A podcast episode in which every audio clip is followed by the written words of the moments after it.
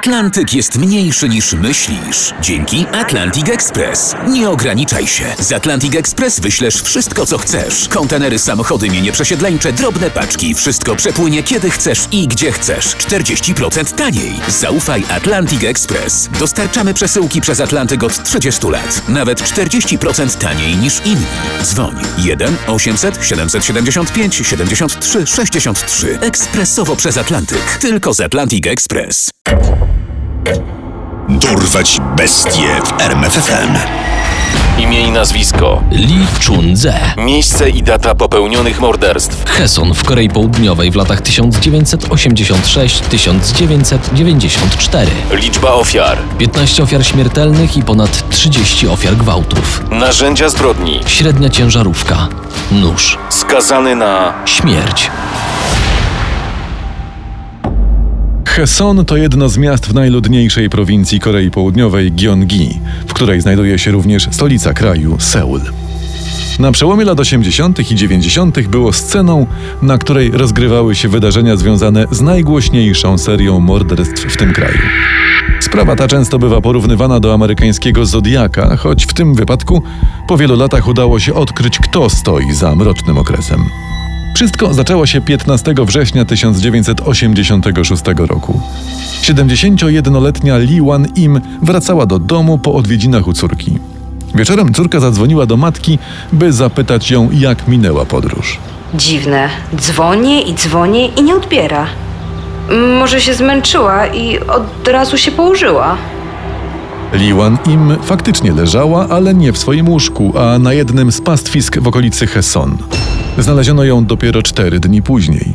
Kobieta była związana i zakneblowana. Na jej ciele wyraźnie było widać ślady wskazujące na gwałt i uduszenie, do którego napastnik wykorzystał jej własne rajstopy. 20 października w podobnych okolicznościach podczas powrotu autobusem do domu zginęła 25-letnia Park Han-suk. Jej ciało trzy dni później wyłowiono z kanału. Kolejna kobieta zginęła 12 grudnia. 25-letnia Gwon Jun-bon zniknęła tuż przed swoim domem. Jej ciało znaleziono dopiero w kwietniu 1987 roku na pobliskim wzniesieniu. Podobnie jak poprzednie ofiary, była związana i zakneblowana.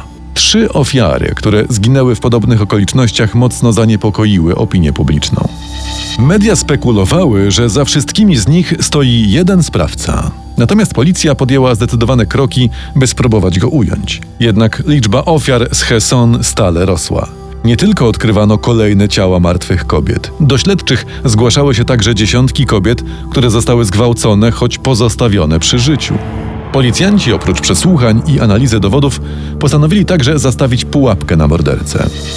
Pięć dotychczasowych morderstw miało miejsce w 6-kilometrowym okręgu wokół Heson. Jesteśmy w stanie tak rozstawić nasze siły, by para funkcjonariuszy była rozmieszczona co 100 metrów. Przez tak gęstą zaporę nie przeciśnie się żaden morderca. W teorii plan był całkiem niezły, a koreańska policja nie szczędziła wydatków, ludzi i roboczogodzin, by pojmać sprawcę. Jednak ten zaplanował swoje następne morderstwo tak, by odbyło się poza obszarem intensywnie obstawionym przez policję. Służby były zatem zmuszone do zmiany pomysłu na pułapkę. Większość ofiar tego zboka, zarówno tych, co przeżyły, jak i tych martwych, była ubrana na czerwono. Proponuję, żeby kilkanaście funkcjonariuszek ubierało się tak przez kilka następnych tygodni. Być może któraś z nich skusi go i złapiemy go na gorącym uczynku. Niestety ten plan także zawiódł. Oczywiście próby zastawienia pułapki nie były jedynymi działaniami, jakie podejmowała policja. Przez cały czas przesłuchiwano świadków, zbierano odciski palców i DNA, nic jednak nie wskazywało jednoznacznie na tożsamość mordercy. W sierpniu 1988 roku, niedługo po siódmym morderstwie, stworzono portret pamięciowy podejrzanego mężczyzny na podstawie zeznań dwóch pracowników komunikacji miejskiej kierowcy Kanga i konduktora Uma. To był taki chudy koleś, pewnie koło dwudziestki. Miał może 165 cm wzrostu. Rysopis dostarczany przez obu mężczyzn pasował do zeznań ofiar gwałtów, którym udało się przeżyć. Część z nich rozpoznawało go na portrecie pamięciowym jako napastnika, niektóre były w stanie nawet przypomnieć sobie dodatkowe szczegóły. Miał, miał bardzo miękkie ręce i mimo, że był chudy, miał bardzo niski głos. Te szczegóły nie były jednak wystarczające, by dostatecznie zawęzić krąg podejrzanych, a tych nie brakowało przez cały tok śledztwa. Czterech mężczyzn, z którymi policjanci wiązali największe nadzieje, popełniło samobójstwo tuż po tym, jak padły na nich podejrzenia i policjanci zaczęli ich przesłuchiwać. Według niektórych relacji przesłuchania były zbyt intensywne czy wręcz brutalne, co doprowadziło mężczyzn do załamania. Piątym podejrzanym był niejaki Yun Sang-gyo, którego policjanci podejrzewali o dokonanie ósmego z morderstw. Ofiarą w tej sprawie była 14-letnia Park Sang-hee. Niezwykle młody wiek ofiary sprawił, że śledczy czuli znacznie większą presję wykazania się rezultatami. Dlatego 27 lipca 1989 roku aresztowali Juna. Dowody przeciwko mężczyźnie były dość słabe. Pasował do dość ogólnego rysopisu sprawcy, a badanie włosów łonowych wykazało 40% zgodność z DNA mordercy znalezionym na Park Sang-hee. Dlatego policjanci zdecydowali się przycisnąć mężczyznę. No dobra, zrobiłem to. Niech wam będzie. Tylko błagam, przestańcie już, no zostawcie mnie w spokoju. Przyciśnięty Jun przyznał się do winy w wypadku ósmej ofiary, jednak to nie rozwiązywało wszystkich problemów śledczych. Mężczyzna miał solidne alibi na większość z pozostałych morderstw. Co więcej, dowody DNA pochodzące z innych ofiar nie wykazywały nawet tak nikłej zgodności jak w przypadku ósmej ofiary. Mm, Nie ma rady. Jedyna zbrodnia, jaka do niego pasuje, to ta młoda dziewczyna. Zrobimy tak. Oskarżymy go o nią i powiemy, że był naśladowcą prawdziwego mordercy, którego nadal szukamy. Jun został skazany na dożywocie. Złożył apelację, w której twierdził, że policjanci wymusili na nim zeznania. Sąd oddalił jego roszczenia. Yun Sang-gyo usłyszał wyrok dożywocia za zabójstwo Park Sang-hee. To nie ja! To nie ja, to naprawdę nie byłem ja! Tymczasem śledztwo toczyło się nadal. Przez cały okres jego trwania pracowano nad nim przez 2 miliony osobodni. O morderstwo na różnych etapach podejrzanych było w sumie 21 280 mężczyzn. Pobrano 40 116 kompletów odcisków palców i 570 próbek DNA oraz 180 próbek włosów. Żadna z tych imponujących liczb nie przybliżyła jednak policjantów do poznania tożsamości prawdziwego mordercy. Śledztwu nie pomagało też to, że od 1991 roku morderstwa zdarzały się znacznie rzadziej, a w 1994 roku ustały zupełnie. W 2003 roku o wydarzeniach i śledztwie nakręcono film Memories of Murder, ale na prawdziwe odpowiedzi trzeba było czekać bardzo długo do 2019 roku, czyli ponad 30 lat od pierwszego seryjnego morderstwa. Nie uwierzycie mi, ale mam zgodność. Mam zgodność DNA między zatrzymanym przez nas w 94 roku mężczyzną, a DNA sprawcy seryjnych morderstw z Heson. Wyczekiwanym przełomem w śledztwie okazał się Lee Chun-ze, który odsiadywał już wyrok dożywocia za zabójstwo i gwałt na 18-letniej szwagierce. Najnowszy podejrzany koreańskiej policji urodził się 31 stycznia 1968 roku. W młodości był niezłym uczniem, dogadywał się z innymi i nie sprawiał kłopotów. Pierwsze problemy zaczęły się, gdy jego młodszy brat utonął. Szok i trauma, jakie wywołało to wydarzenie, rzekomo zmieniły Lee na zawsze. Po skończeniu liceum Lee Chun-ze wstąpił do Armii Republiki Koreańskiej i służył w niej przez trzy lata jako kierowca czołgu. Po opuszczeniu armii wpadł w pierwszy poważny konflikt z prawem. W 1989 roku dokonał włamania i został przyłapany na gorącym uczynku. W pierwszym procesie został skazany na półtora roku więzienia.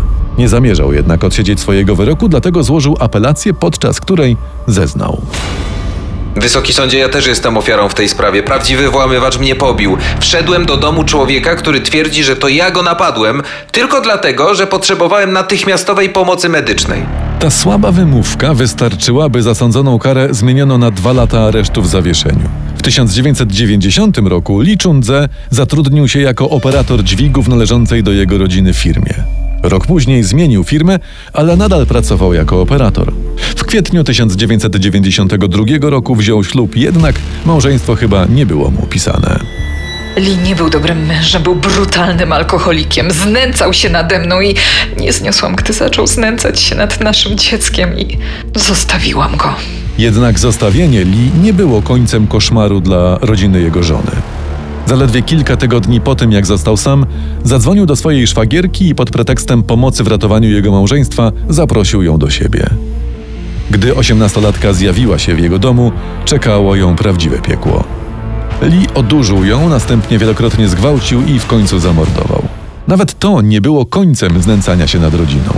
Gdy ojciec żony zaczął niepokoić się zaginięciem swojej córki, Lee zaoferował mu swoją pomoc. Nie martw się, pomogę ci jej szukać. To też moja rodzina. Zacznijmy od tego, że pójdziemy na policję. W tej sprawie, w przeciwieństwie do innych morderstw Heson, szybko znaleźli sprawcę, którym był nie kto inny jak szwagier kobiety Lee Chun-ze. W maju 1994 roku Lee usłyszał wyrok za swój potworny czyn kara śmierci. Próbował się bronić, twierdząc, że policja wymusiła na nim zeznania i jest niewinny, ale sąd podtrzymał swoje orzeczenie. Jednak w 1995 roku jego wyrok złagodzono do dożywocia z możliwością starania się o zwolnienie warunkowe po 20 latach. W 2019 roku połączono DNA Lee Chung-dze z tym pozostawionym przez koreańskiego Zodiaka. Gdy śledczy zaprosili Lee na rozmowę, ten otwarcie przyznał się do wszystkich morderstw z Heson. Tak, to ja. Trochę wam zajęło, żeby się w tym połapać. A w ogóle przeoczyliście jeszcze dwa. No ale spokojnie. Opiszę wam wszystko ze szczegółami. Przyznanie się do winy przyszło Lee Chun-dze dość łatwo, bo nastąpiło, gdy morderstwa z Heson były już przedawnione i morderca nie mógł być za nie sądzony. Jednak ujawnienie się jako seryjny morderca przekreśliło wszelkie szanse na to, by Chun-dze wyszedł warunkowo na wolność. Jego wyznanie nie było jednak całkiem bezużyteczne. Pomogło jednej osobie, oskarżonemu o ósme z serii morderstw Junowi Sangio. Jun, który spędził niemal 20 lat w więzieniu, został zwolniony warunkowo w 2009 roku. Nie ustawał jednak w próbach oczyszczenia swojego dobrego imienia, które aż do 2019 roku prowadziły donikąd. Po rewelacjach prawdziwego mordercy Jun wreszcie doczekał się swojego dnia w sądzie. W listopadzie 2020 roku Jung Sangio przeszło 30 lat po tym, jak został niesłusznie skazany, usłyszał wreszcie, że jest niewinny. Poznaj sekrety największych zbrodniarzy świata. Dorwać bestie w RMFFM.